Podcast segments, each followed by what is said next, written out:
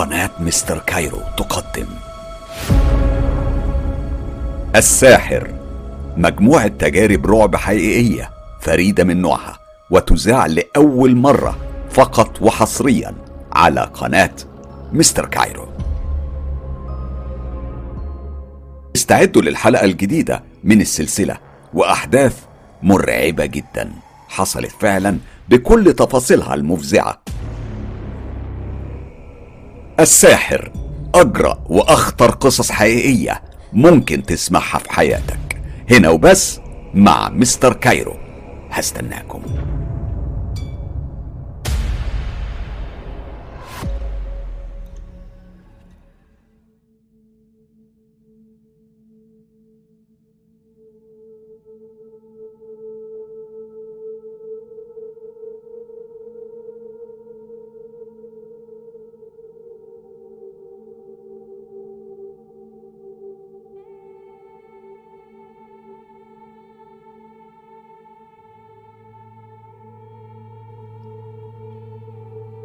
أهلا بكم واسبوع جديد على قناة مستر كايرو مع الساحر. طبعا لو بتنضم لسلسلة الساحر لأول مرة خليني أشرح لك بسرعة وباختصار هي إيه الحكاية. الساحر هي عبارة عن مجموعة قصص حقيقية عاشها وعاش تفاصيلها صديقي المبدع وليد جمال. وليد في طفولته واضح إن هو عانى الأمرين مع السحر الأسود ومع ظروف المجتمع المحيط به من كل الحاجات اللي بيسمعها عن الجن والشياطين والشخصيات الغريبة اللي كانت محيطة بيه في فترة نشأته لحد سن المراهقة ولحد ما كبر.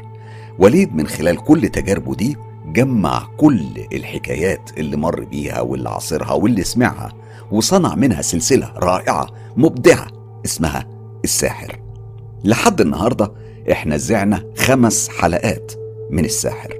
كل الحلقات دي بتنتهي دايما نهايات غامضة مرتبطة كلها بظهور الساحر في النهاية. قصة النهاردة تحديدا من القصص اللي كتير من متابعي الساحر في انتظارها. والسبب لو تفتكروا في الحلقة الخاصة بحمدي وحمدي ده كان مقيم في شقة تعتبر في الدور اللي فوق وليد على طول والشقة دي كان حصل فيها مشكلة بسبب الجن واختفى حمدي. ولحد النهاردة محدش عارف لحمدي أثر. حمدي لما اختفى كان عنده أوضة غريبة غامضة جدا موجودة جوه الشقة. الأوضة دي حسب القصة لما فتحوها لقوها فاضية تماما ما كانش جواها غير كتاب. الكتاب ده كان وراه قصة. ووعدنا وليد إنه في يوم من الأيام هيحكي لنا عن قصة الكتاب ده. والكتاب ده حسب ما فهمنا في الحلقة أيام ما حكى لنا عليها وليد أخدته أخته نجلاء طب إيه اللي حصل للكتاب؟ ده اللي هنتكلم عنه النهاردة وهنسمعه من خلال حلقة وريث العرش اللي بيحكيها لنا النهاردة وليد من ضمن سلسلة حلقات الساحر. قصة حقيقية غامضة ومرعبة جداً. وممتعة لأبعد الحدود. دلوقتي هسيب وليد يحكي لكم الحكاية لكن بصوت مستر كايرو.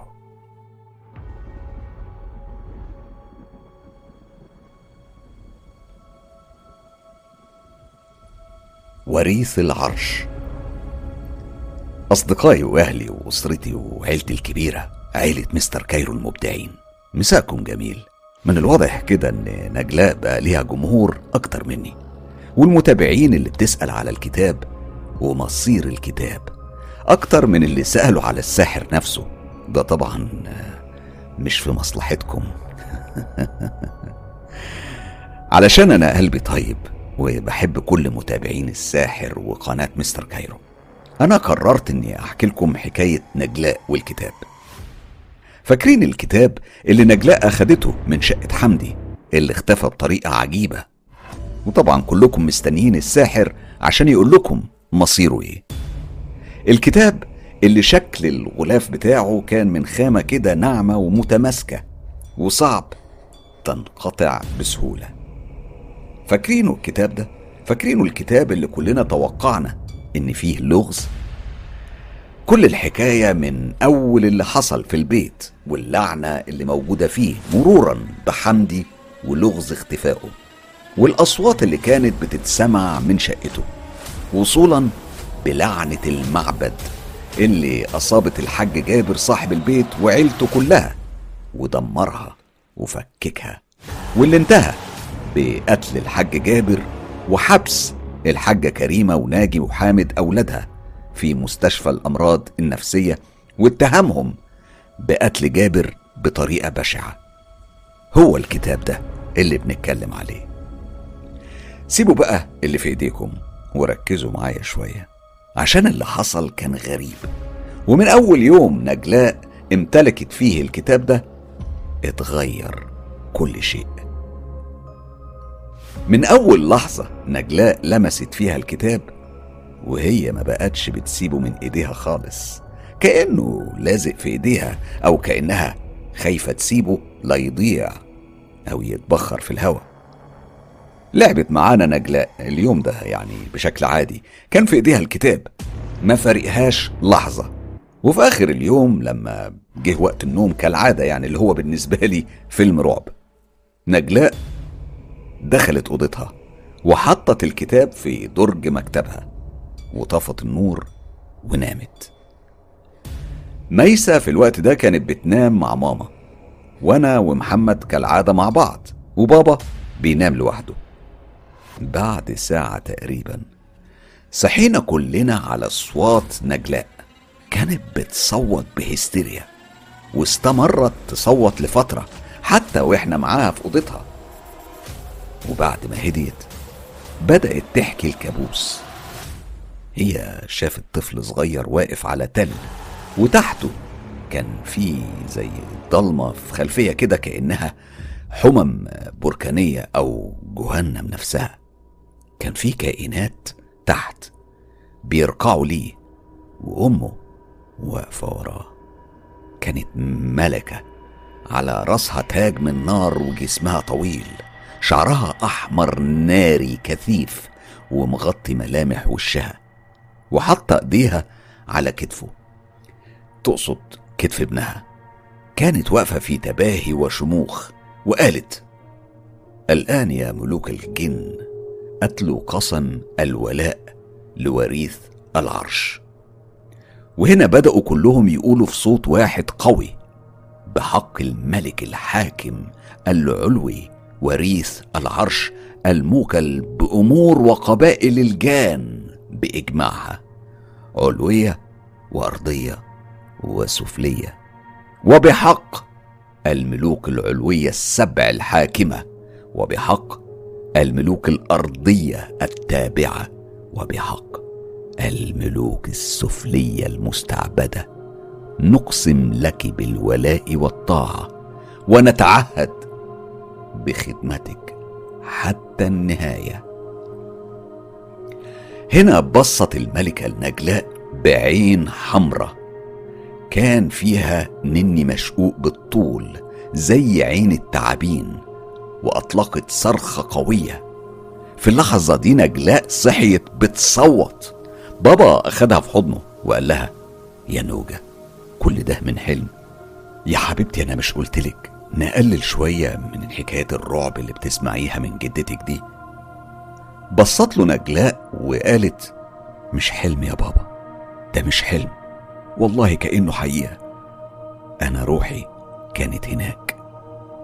اترسمت الدهشة على وش بابا من تشبيه نجلاء اللي خوفنا كلنا وقال لها طيب تحبي تنامي معايا النهاردة علشان نجلاء الشجاعة بقى بقت خوافة ولا إيه؟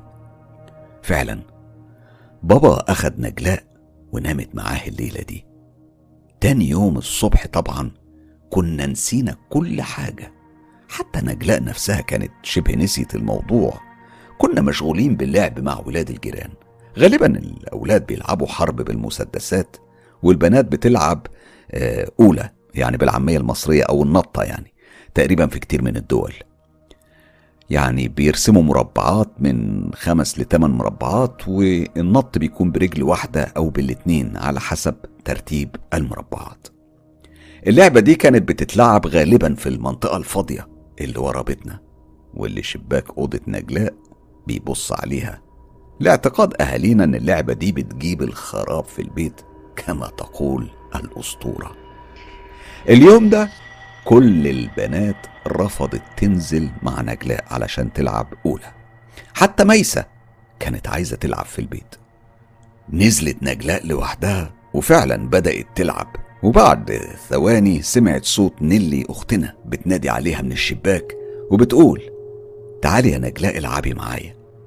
ضحكت نجلاء وقلبها فرح. وكانت هتجري على البيت لولا إن رجليها اتسمرت مكانها وجسمها اتصلب وكأنه رافض الحركة تماما. وافتكرت إن نيلي ميتة. آه نيلي ماتت من سنتين. كان ترتيبها بينا وبين نجلاء. صوت ضحكة نيلي الرقيقة في ودانها كان لسه بيرن وفيه أنفاس حد جنبها حساه على وشها. هنا قالت نجلاء بصوت مسموع.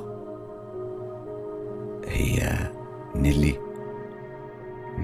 وبدأت نجلاء تاخد خطوات للبيت وكانت شايفة أثر رجل نيلي خطوة بخطوة بتترسم قدامها بالدم.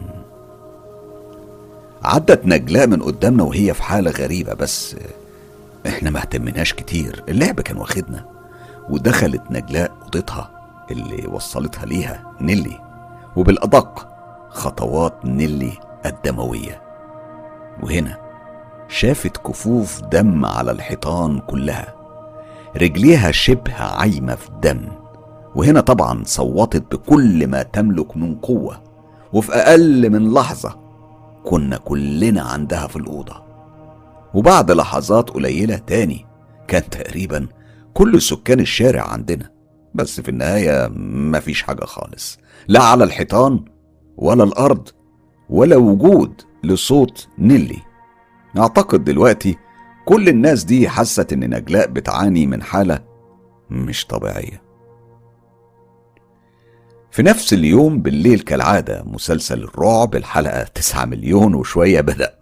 وكالعادة برضو أنا ومحمد لما حد بيصحى علشان يدخل الحمام بالليل بيصحي التاني ياخده معاه نظرا لحالة الهلع اللي ما كانتش بتسيب البيت بسبب الأصوات واللمسات والأجسام اللي بنشوفها وبنسمعها.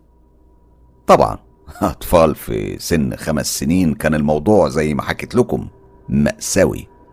في الليلة دي أنا صحيت وصحيت محمد علشان يجي معايا يستناني عند باب الحمام. ولاحظنا صوت جاي من أوضة نجلاء. هو مش صوت عجيب لأ كان صوت نجلاء العادي بس كانت بتتكلم مع حد. تقريبا كمان كانت بتلعب حاجة معينة. الفضول طبعا أنتوا عارفينه.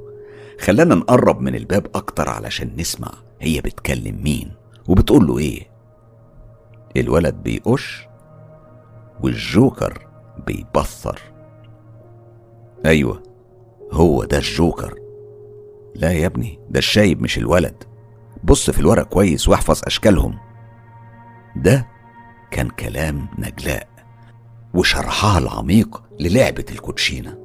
واضح من الكلام إنها بتشرح لولد إزاي يلعب كوتشينة. مش ده بس العجيب في الموضوع الأعجب إن نور أوضتها كان مطفي. نور أوضتها بيبان من تحت عقب الباب. من بره بتقدر تعرف النور منور ولا مطفي. ما قدرناش ناخد أي خطوة إلا لما نجيب ميسة تبقى معانا. بسرعة اتسحبنا في أوضة ماما ومحمد صحى ميسة بالراحة وأخدناها معانا علشان لما نقتحم أوضة نجلاء نبقى عزوة كده يعني. فكرة أطفال بقى.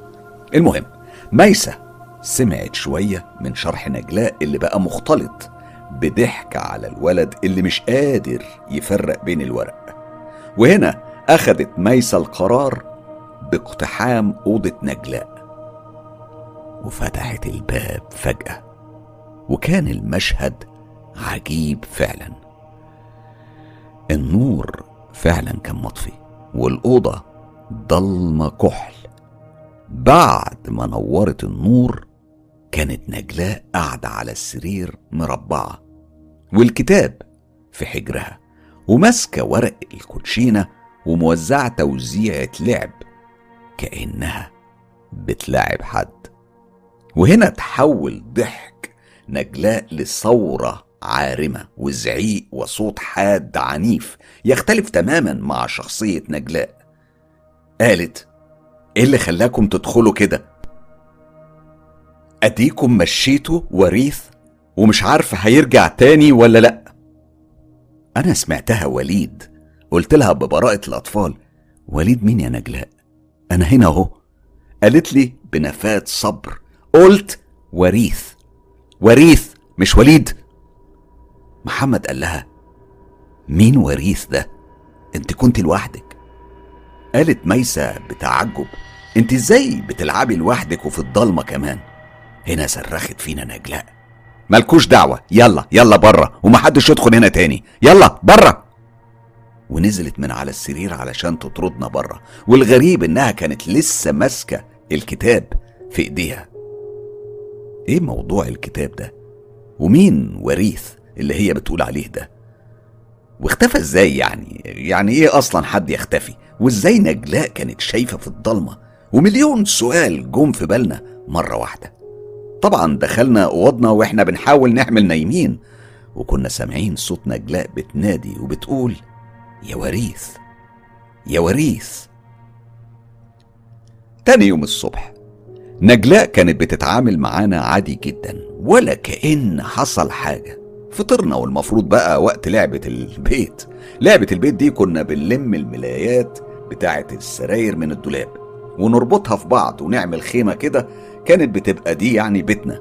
ونجلاء كانت بتعمل أمنا وبتحضر لنا الفطار اللي هو كان أطباق فاضية طبعا. وإحنا المفروض عيالها وكل واحد بيطلب فطار شكل وهي تمثل إنها بتعمله. نجلاء رفضت إنها تلعب معانا علشان مشغولة بحاجة على حد كلامها يعني. والعبوا أنتوا. ميسة تعمل أمكم وانتوا اطلبوا منها. علشان أنا هدخل أوضتي أخلص اللي ورايا جوه. سابتنا بدون اهتمام ومشيت من غير ما تسمع رد وإحنا طبعا وراها لحد باب الأوضة. وهنا سمعنا نجلاء بتقول أنا جيت أهو. يلا بقى نكمل لعب. سكتت فترة ما سمعناش فيها صوت وكملت هي. لا يا ابني هم خلاص بيلعبوا لعبة البيت. سكوت فترة تانية وبعدين قالت نجلاء بدهشة هي مامتك كمان هنا؟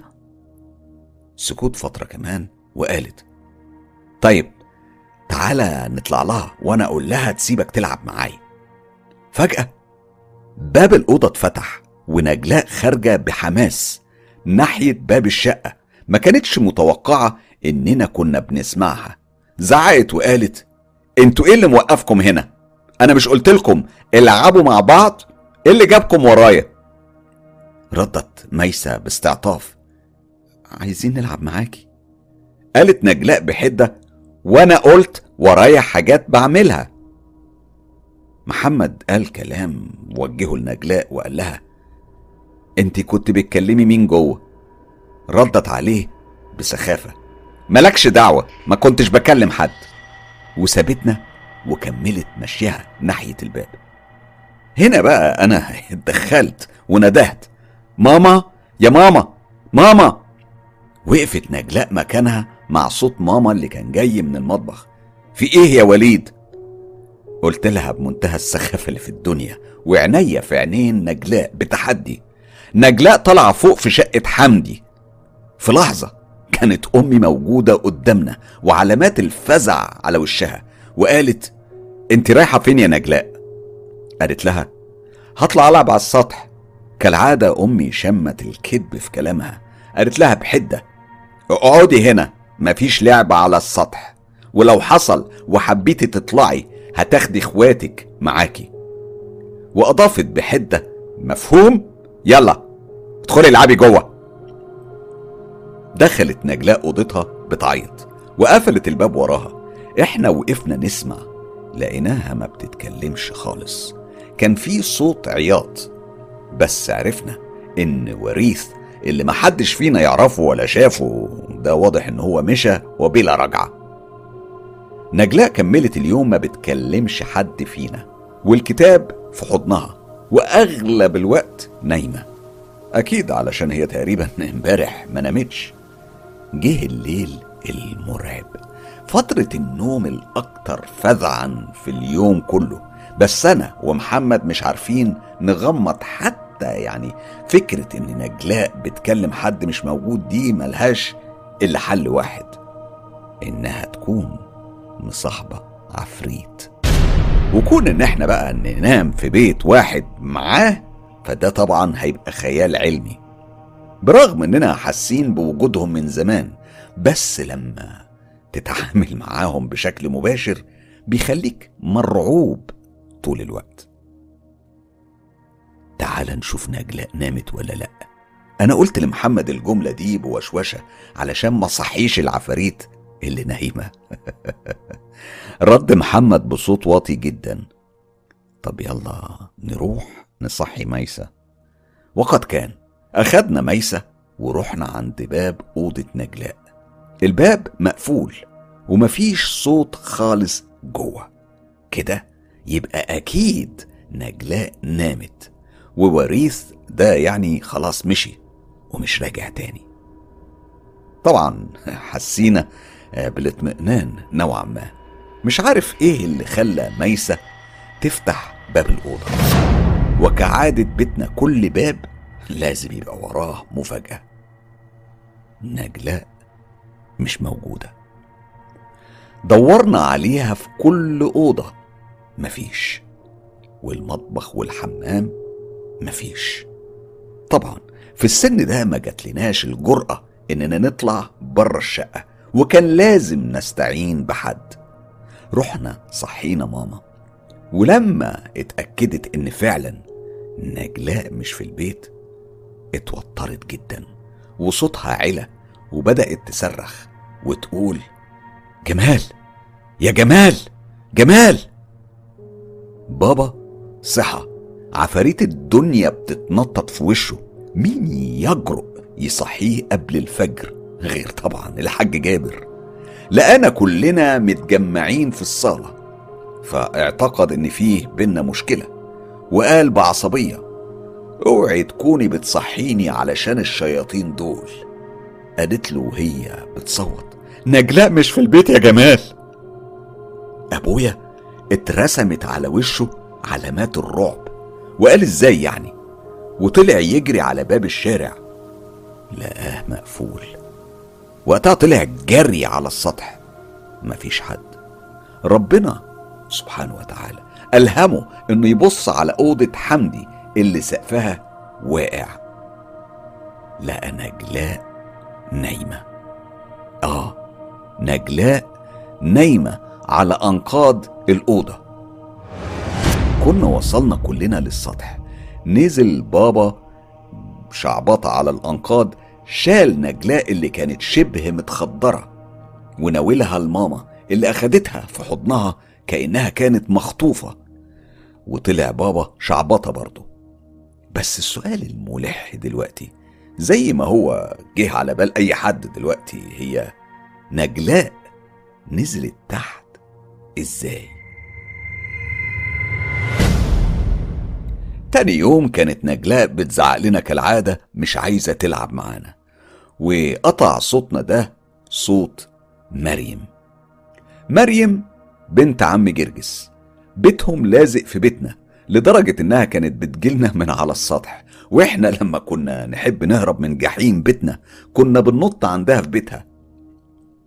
مريم ما كانتش صغيرة هي كانت شابة مراهقة تقريبا 17 سنة بس كانت بتحبنا جدا وإحنا كنا بنموت فيها بصراحة.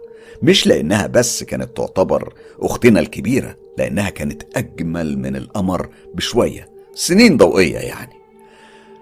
رقيقة لدرجة إنك تخاف عليها وهي بتتكلم لا تتكسر. كان لازم تخليها تعيد كلامها أكتر من مرة علشان من ضعفها ما كانش صوتها بيتسمع من أول مرة. حاجة كده يعني تحب تتفرج عليها بس مش لازم حتى تكلمها أو تلمسها. كانت بورتريه جميل. زي ما قلت كانت بتعتبرنا إخواتها لأننا متربيين مع بعض أو هي شاركت في تربيتنا بمعنى أصح بالذات بعد ما أمي خلفت ثلاث توائم كانت تستحق المساعدة. علشان كده كانت بتاخدنا معاها أي مشوار أو أي مكان بتروحه. مريم ندهت علينا من شباك أوضتها. اللي قدام أوضة ماما وقالت لنا يلا نتقابل على السطح علشان تتكلم مع نجلاء. عايزة تعرف إيه اللي بيحصل معاها كل يوم وبيخليها تصوت. مريم كانت من الناس القليلين اللي نجلاء ما تعرفش ترفض لها طلب ابدا. طلعنا كلنا ونطت مريم على سطحنا وسألت نجلاء باهتمام حقيقي مش مصطنع. مالك يا نوجة. كل يوم بتصوتي ليه؟ وبعدين إحنا مش اتفقنا يا نجلاء نبطل شقاوة. عم جمال قال للبابا إنك كنت نايمة في شقة حمدي امبارح. إيه اللي خلاكي تعملي كده؟ ردت نجلاء بتلقائية. والله ما كان قصدي أنا كنت بلعب مع وريث من غير صوت. استغربت مريم طبعا من الاسم أول مرة تسمعه. مش بس في المنطقة لا ده في الدنيا تقريبا. قالت مريم باستغراب مين؟ قالت نجلاء بحماس الأطفال صاحبي الجديد وريث. ردت مريم باستنكار هو اسمه كده وريث؟ قالت نجلاء بحماس أكبر آه اسمه وريث العرش. وريث العرش. زادت دهشة مريم وقالت وريث العرش هو ده اسم يا نجلاء أصلا؟ نجلاء قالت آه هو قال لي كده وأنا كمان شفته هو ومامته في الحلم وقالت عليه وريث العرش. مريم باستنكار قالت حلم؟ حلم إيه بس؟ طيب هو ابن مين في المنطقة؟ قالت نجلاء بحماس ابن الأميرة اللي كانت ساكنة مع حمدي. مريم وشها اترسم عليه علامات الفزع من اسم حمدي. وقالت بعد ما يعني الكلمة أو فكرة قصة حمدي رجعت بالكامل قدامها. طبعا اللي مش عارف آه، قصة حمدي يرجع يسمع الحلقة التانية من حلقات الساحر باسم الساحر وحكايات حراس الجان. وإحنا طبعا هنستناه. انتي بتشوفيه يا نجلاء؟ إزاي؟ نجلاء قالت ببساطة عادي بيطلع من الكتاب. مريم بعد ما اتأكدت إن اللي بيحصل ده حاجة مش طبيعية وقالت إمتى شفتيه أول مرة وشفتيه إزاي؟ نجلاء قالت أول مرة شفته كان أول ليلة يبات معايا الكتاب. كان في الحلم وشفت القصر بتاعه وشفت مامته كمان و... والناس اللي بيحكمهم.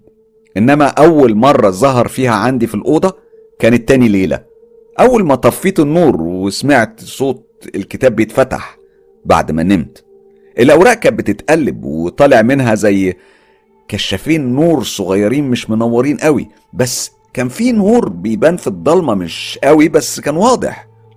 بصي هو هو هو شبهنا بس عينيه كلها بيضة علشان بتنور. مريم وبدهشة كبيرة جدا. وانت يا نجلاء ما خفتيش؟ ردت نجلاء ببساطة وابتسامة مش معروف معناها على وشها.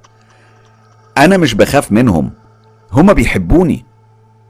استغربت مريم من رد فعل نجلاء الغير منطقي وقالت طيب كملي يا نوجة وبعدين؟ قالت نجلاء خرج وريث من الكتاب وقال لي إنه عايز يلعب معايا. هو هو شكله كويس بس صوته كبير. مريم قالت لها باستفسار. هو طفل يعني؟ بس صوته صوت راجل مش كده؟ نجلاء قالت لها أيوه بالظبط. تملك الفضول من مريم لأقصى درجة وقالت لنجلاء طيب ممكن يا نوجة أستلف منك الكتاب ده يوم واحد؟ ردت عليها نجلاء بشيء من الحزن. خديه خلاص وريث ما عادش بيطلع ما بقاش بيطلع منه خلاص زعل منهم وشاورت علينا وكملت. وما ظهرش امبارح بس أنا طلعت لعبت معاه هنا. مريم قالت لها بحماس طيب انزلي هاتي الكتاب دلوقتي.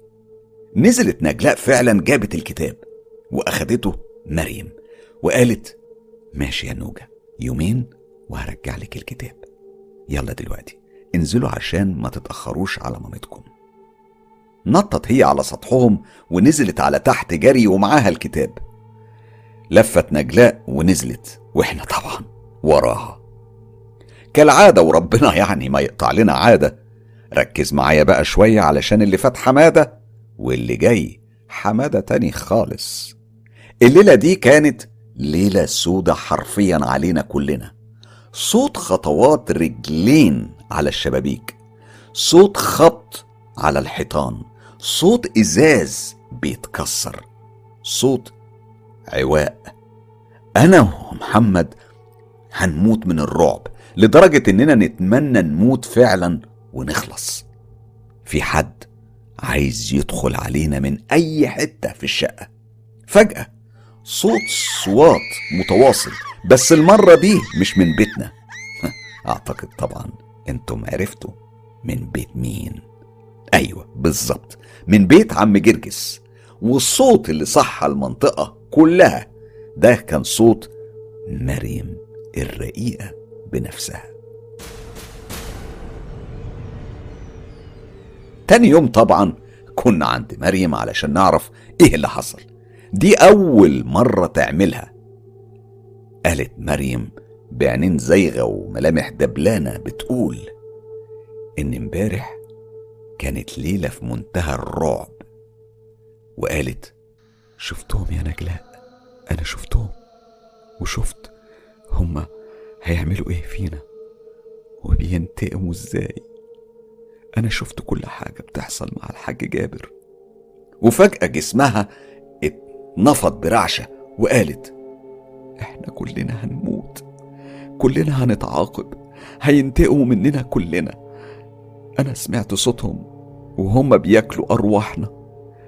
أنا أنا حسيت بيهم وهم بيقطعوا لحمنا بأسنانهم. كان في جيش من الشياطين امبارح على بيتنا وبيتكم. كان فيه شيطان واقف على السطح عندكم واصل لنص السما طالع من قلب نار كأنها الجحيم نفسه. في شقة حمدي وعامل حاجة كده زي مباركة لتولي وريث العرش السلطة. سمعت أصوات كتير بتنادي على وريث العرش وكانت المفاجأة إنه كان أنا. فضلت أصوت وأقول إني أنا مريم بس الشيطان مد إيده لحد عندي وأخد روحي بصيت لمحمد وما تجرأناش نقول إنه ما كانش حلم وإننا سمعنا أصواتهم وهم بيجروا على الشبابيك عندنا. ميسة فجأة عيطت وقالت أنا أنا سمعتهم يا مريم. ده, ده مش حلم. أنا أنا أنا سمعت أصواتهم على الشباك. هنا اتجرأت أنا ومحمد وقلنا إحنا كمان سمعناهم. فجأة ضحكت مريم ضحكة شيطانية. وقالت بصوت راجل. سمعتم؟ سمعتوا بس إنما بكرة هتشوفوا.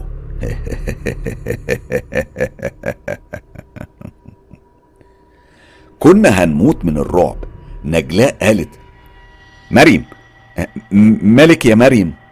بصت مريم لنجلاء وقالت أنا مش مريم. أنا الوريث. عروق وش مريم كلها كانت واضحة باللون الأزرق وعينيها احمرت جدا وعظم إيديها كان بارز وكأنها إيدين شخص عنده تسعين سنة. براءة مريم اتحولت لوحشية. طبعا مش هقول لكم اللي عملناه كنا يعني في بيتنا بعد ثلاث ثواني تقريبا. حكينا لأمي وطبعا زي أي أم تخيلت إن إحنا مكبرين الموضوع وإن المفروض ده هزار مش أكتر. لكن الموضوع ده اختلف تماما بعد كام ساعة. لما أم مريم ندهت على أمي وحكت لها وهي بتبكي وهتموت من الخوف والقلق على الحالة اللي وصلت لها بنتها. والمسيح يا أم نجلاء مريم بقت وحش. هي ما تعرفش إني شفتها. أنا أنا كنت في المطبخ وسمعت صوت زي خوار الطور كده. في الأول ما اهتمتش إنما الصوت بدأ يعلى. فبصيت من المطبخ على مصدر الصوت لقيته جاي من أوضة مريم. مريم كانت مصطادة فار وبتاكل فيه وبتتخانق مع قطتها عليه شكل الدم على أسنانها ونظرتها للقطة اللي كانت بتقول إنها فعلا إنها اتحولت لحيوان مفترس. موتت أمها من الرعب. موتتني من الرعب بجد. أمي قالت لها بدهشة مش ممكن مستحيل. دي, دي مش مريم. مريم اللي صوتها ما بيطلعش تتحول كده. أكيد في حاجة يا أم مريم. مفيش غير سبب واحد هو اللي ممكن يعمل كده. أكيد مريم ملموسة. قالت أم مريم وهي بتبكي بحرارة. تقصدي إنها سكنها روح شريرة؟ قالت أمي آه تقريبا كده يا أختي طيب هي فين دلوقتي؟ عملتي معاها إيه؟ قالت أم مريم بصوت كله حسرة حبستها في أوضتها لحد أبوها ما يرجع يشوف له صرفة بس هي لو فضلت تخبط بالقوة دي احتمال احتمال كبير تكسر الباب وبعدين بكت بحرقة وقالت تصدقي يا أم نجلاء إن دي مريم معقولة؟ دي مريم بنتي. أنا مش عارفة ليه كده ومنين الروح دي؟ وهي عملت إيه علشان يحصل فيها كل ده؟ لو أبوها ما تصرفش أنا هروح بيها الكنيسة. أكيد هناك أبونا هيكون عنده الحل. وبصت لأمي بنظرة استعطاف. ممكن تيجي معايا يا أختي؟ أنا أنا مش هقدر أسيطر عليها لوحدي. ردت أمي. آه أكيد يا أختي هاجي معاكي. أنا كنت هاجي معاكي أصلا من غير ما تطلبي. دي مريم دي بنتي. إحنا بقى وإحنا بنسمع الحديث وفيه مشاعر خليط بين الرعب والحماس. رعب علشان شفنا الوضع اللي عليه مريم وحماس علشان دلوقتي بقى عندنا مغامرة. عرفنا من هنا إننا هنروح معاهم. من الخبرات السابقة طبعا ودي ميزة إنك تكون طفل شقي. مين هيرضى يقعد مع أربع عفاريت؟ وأمي كمان علشان كانت عارفة إن إحنا أشقية ما كانتش بتآمن علينا مع حد فكان لازم نكون معاها في أي مكان وتحت أي ظرف. الليلة دي أعتقد إنها كانت أسوأ من الليلة اللي فاتت على عم جرجس وبيته. طول الليل فيه صويت والصوات طالع من عند بيتهم. كان مختلط بزعيق عم جرجس وصوت وبكاء بصوت أم مريم. مش بس كده صوت الخطوات على الشبابيك كانت كتيرة جدا كأن في جيوش معدية على الحيطان والشبابيك. وشوية ونسمع صوت شيطاني بينادي أين التعزيزات؟ وصوت عم جرجس بيقرأ من الكتاب المقدس. وشوية ونسمع ضحكة شيطانية وخطوات بتزيد أكتر مع كل طلب. للتعزيزات. وكأنها حرب دايرة في بيتهم بين عم جرجس ومراته مع جيوش من الجن والشياطين. عند بداية الفجر كل حاجة سكتت مع نفاذ طاقة عم جرجس ومراته بدون انتصار. أعتقد للمرة التانية بينتصر وريث العرش وأعوانه. وأعتقد إننا لو فضلنا على الوضع ده هيستمر انتصارهم للأبد. مع أول شعاع للشمس كانت أم مريم بتنادي على أمي من الشباك. مش محتاج وقت علشان نعرف إن ده صوت مرهق للغاية تعبان مرتجف فيه مزيد من الحزن والرعب. صوت محتاج راحة أربع أيام على الأقل علشان يرجع. صوت أم مريم اللي نعرفها. صوت أنهكه البكاء والصوات أمي الله يرحمها كانت عاملة حسابها.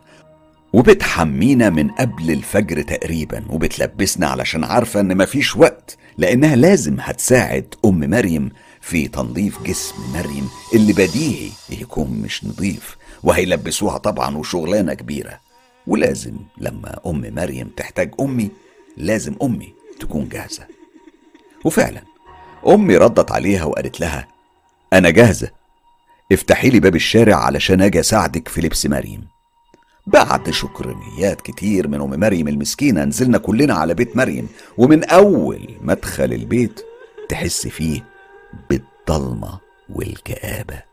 تحس كده إن في حاجة مقبضة. تحس إن روحك بتتسحب من عند الباب. أول مرة نحس الإحساس ده في البيت ده. البيت ده كان جميل كان فيه طاقة مفتوحة من السطح بحيث إن الشمس تدخل كل حتة في البيت من أول دقايق الصبح والهواء بيغير نفسه بنفسه. تحس إنهم عاملين تكييف من قبل اختراع التكييف. كان بيت مبهج جدا. منين؟ جت الضلمة دي برغم ظهور الشمس والريحة القذرة دي منين؟ برغم التهوية الممتازة طول الوقت. ده خلى أمي وهي داخلة تحط إيديها على قلبها وتقول بسم الله الرحمن الرحيم. اللهم احفظنا.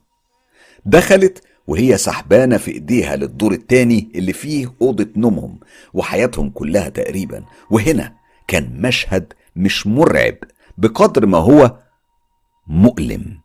مريم متكتفة على السرير. كل طرف من إيديها ورجليها مربوط في أطراف السرير الأربعة. شكل النجمة يعني. وما زالت عروق جسمها كلها ملونة باللون الأزرق اللي واضح جدا لأن مريم كانت بيضة زي الشمع. ولسه عينيها حمرة ولسه عظم جسمها بارز. هي أيوه كانت رفيعة مع إن وشها كان مدور زي البدر بس مش لدرجة إن عظمها يبقى ظاهر للدرجة دي. وليه ما كانش ظاهر من البداية؟ واضح إن ضوافرها اللي كانت كل البنات بتحسدها عليها مش نضيف لونهم. يعني لونهم كان أسود وباين من مسافة بعيدة. مع وجود سواد على بقها تقريبا يعني كان شكله زي ما يكون دم متجلط. واضح إن محدش قدر يقرب منها لحد اللحظة دي غير بعد ما اتكتفت عند الفجر تقريبا. ومريم بتبكي بصوتها اللي نعرفه. أرجوك يا أمي. بلاش. أرجوكي أرجوك يا أمي. بلاش تعملي فيا كده. واتنفض جسمها برعشة هزت السرير كله. الرعشة اللي شفناها قبل كده. واضح إن ده تأثير المس الشيطاني عليها. أمها ماسكة رجليها بتبوسها وبتقول لها وغلاوتك يا بنتي أنا بعمل كل ده علشانك. لازم تخف يا مريم. لازم ترجعي مريم العروسة الجميلة بتاعتي. الشيء القاتل في الموضوع ده إن مريم وحيدة ملهاش إخوات. وفعلا كانت الجمال بحد ذاته. لو نقدر نقول إنهم اخترعوا أجمل عرايس الأطفال اللي شكلها ملائكي على شكل مريم يبقى مش بنكذب. معقول كل الجمال ده يتحول لمسخ؟ أمي ما قدرتش تتمالك نفسها بصراحة. وفضلت تصوت وتعيط ولا كأن متلها ميت. حالا دلوقتي حزن حقيقي صادق. راحت لحد سرير مريم واخدت راسها في صدرها وبتبكي بكل ما فيها من مشاعر. مالك يا بنتي؟ مالك يا مريم؟ ما تخافيش يا حبيبتي هترجعي أحسن من الأول والله. دموع أمي كانت بتنزل على وش مريم. من كتر القذاره كانت بترسم خط أبيض. مشهد حقيقي مؤلم. ما انساهوش عمري كله. وما انساش كمية البكاء اللي بكتها واللي بكيناها إحنا الأربعة. لا إحنا الستة. من وقت للتاني عينين مريم كانت بتبص لنجلاء. مش عارف هي كانت بتستنجد بيها ولا وريث ده كان بيفكرها إنهم أصحاب. مريم ما كانش عندها طاقة تساعدها على البكاء. مريم كانت شبه متخدرة ودي كانت أحسن لحظة علشان يفكوها ويشيلوها للحمام. في الحمام سمعنا صوت شيطاني بيقول ما حدش هيقدر ينفعها ولا ينفعكم. أنتوا خلاص بقيتوا ملك ليلى. أنتوا كلكم بقيتوا تحت أمر ملك ملوك الجان. هنا قالت نجلاء من غير فزع أو رعب عكسنا تماما. ده ده ده, ده صوت وريث. أنا عارفاه. كمل الصوت بحدة.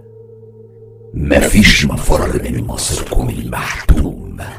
مع كل كلمة كانت أم مريم بتتوسل.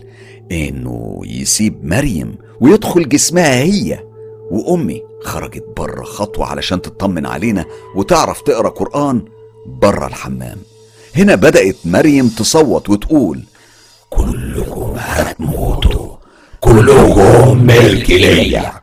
كلكم ملك ليا للأبد. زي ما أخدت أرواح غيركم هاخد أرواحكم وادون الرحمة كلكم ملك ليا كلكم ملك وريث العرش. واضح كده إن قصة مريم ما خلصتش. لسه رحلتها في الكنيسة. واضح إننا لنا جزء تاني مع وريث العرش. يا ترى في حد منكم يخلص مريم من الجحيم اللي هي فيه؟ يا ترى في حد هيقدر على وريث العرش. يا ترى إيه اللي هيظهر في الجزء التاني من قصة مريم؟ كل ده هنعرفه إن شاء الله في الحلقة اللي جاية. معلش بقى مضطرين تستنوني يوم التلات اللي جاي مع الجزء التاني من قصة وريث العرش. الناس اللي هتسأل مين هو وريث العرش أصلا؟ هقول لهم. لما الساحر يظهر بقى يقول لنا. طيب مين الملكة اللي هي المفروض أمه؟ برضه هتكون الإجابة عند الساحر. طيب يا ترى القصة دي مرتبطة بحمدي واختفائه؟ أعتقد الساحر عنده أسئلة كتير أتمنى تكونوا فاكرينها كلها. لحظة ظهور الساحر. بعد كلام وليد مفيش عندي أنا كلام تاني. دايما هستناكم مع وليد كل يوم تلات وحلقة جديدة من حلقات الساحر. لكن قبل ما أختم حلقة النهاردة حابب أقول لكم كلكم كل سنة وإنتم طيبين. عيد مبارك وسعيد عليكم كلكم في كل مكان في الدنيا. عيد سعيد على الإنسانية. كل سنة وإنتم طيبين. ورضا ربنا سبحانه وتعالى عليكم. يا رب يدوم ويا رب يسعدكم. ويفرح قلوبكم. إلى اللقاء.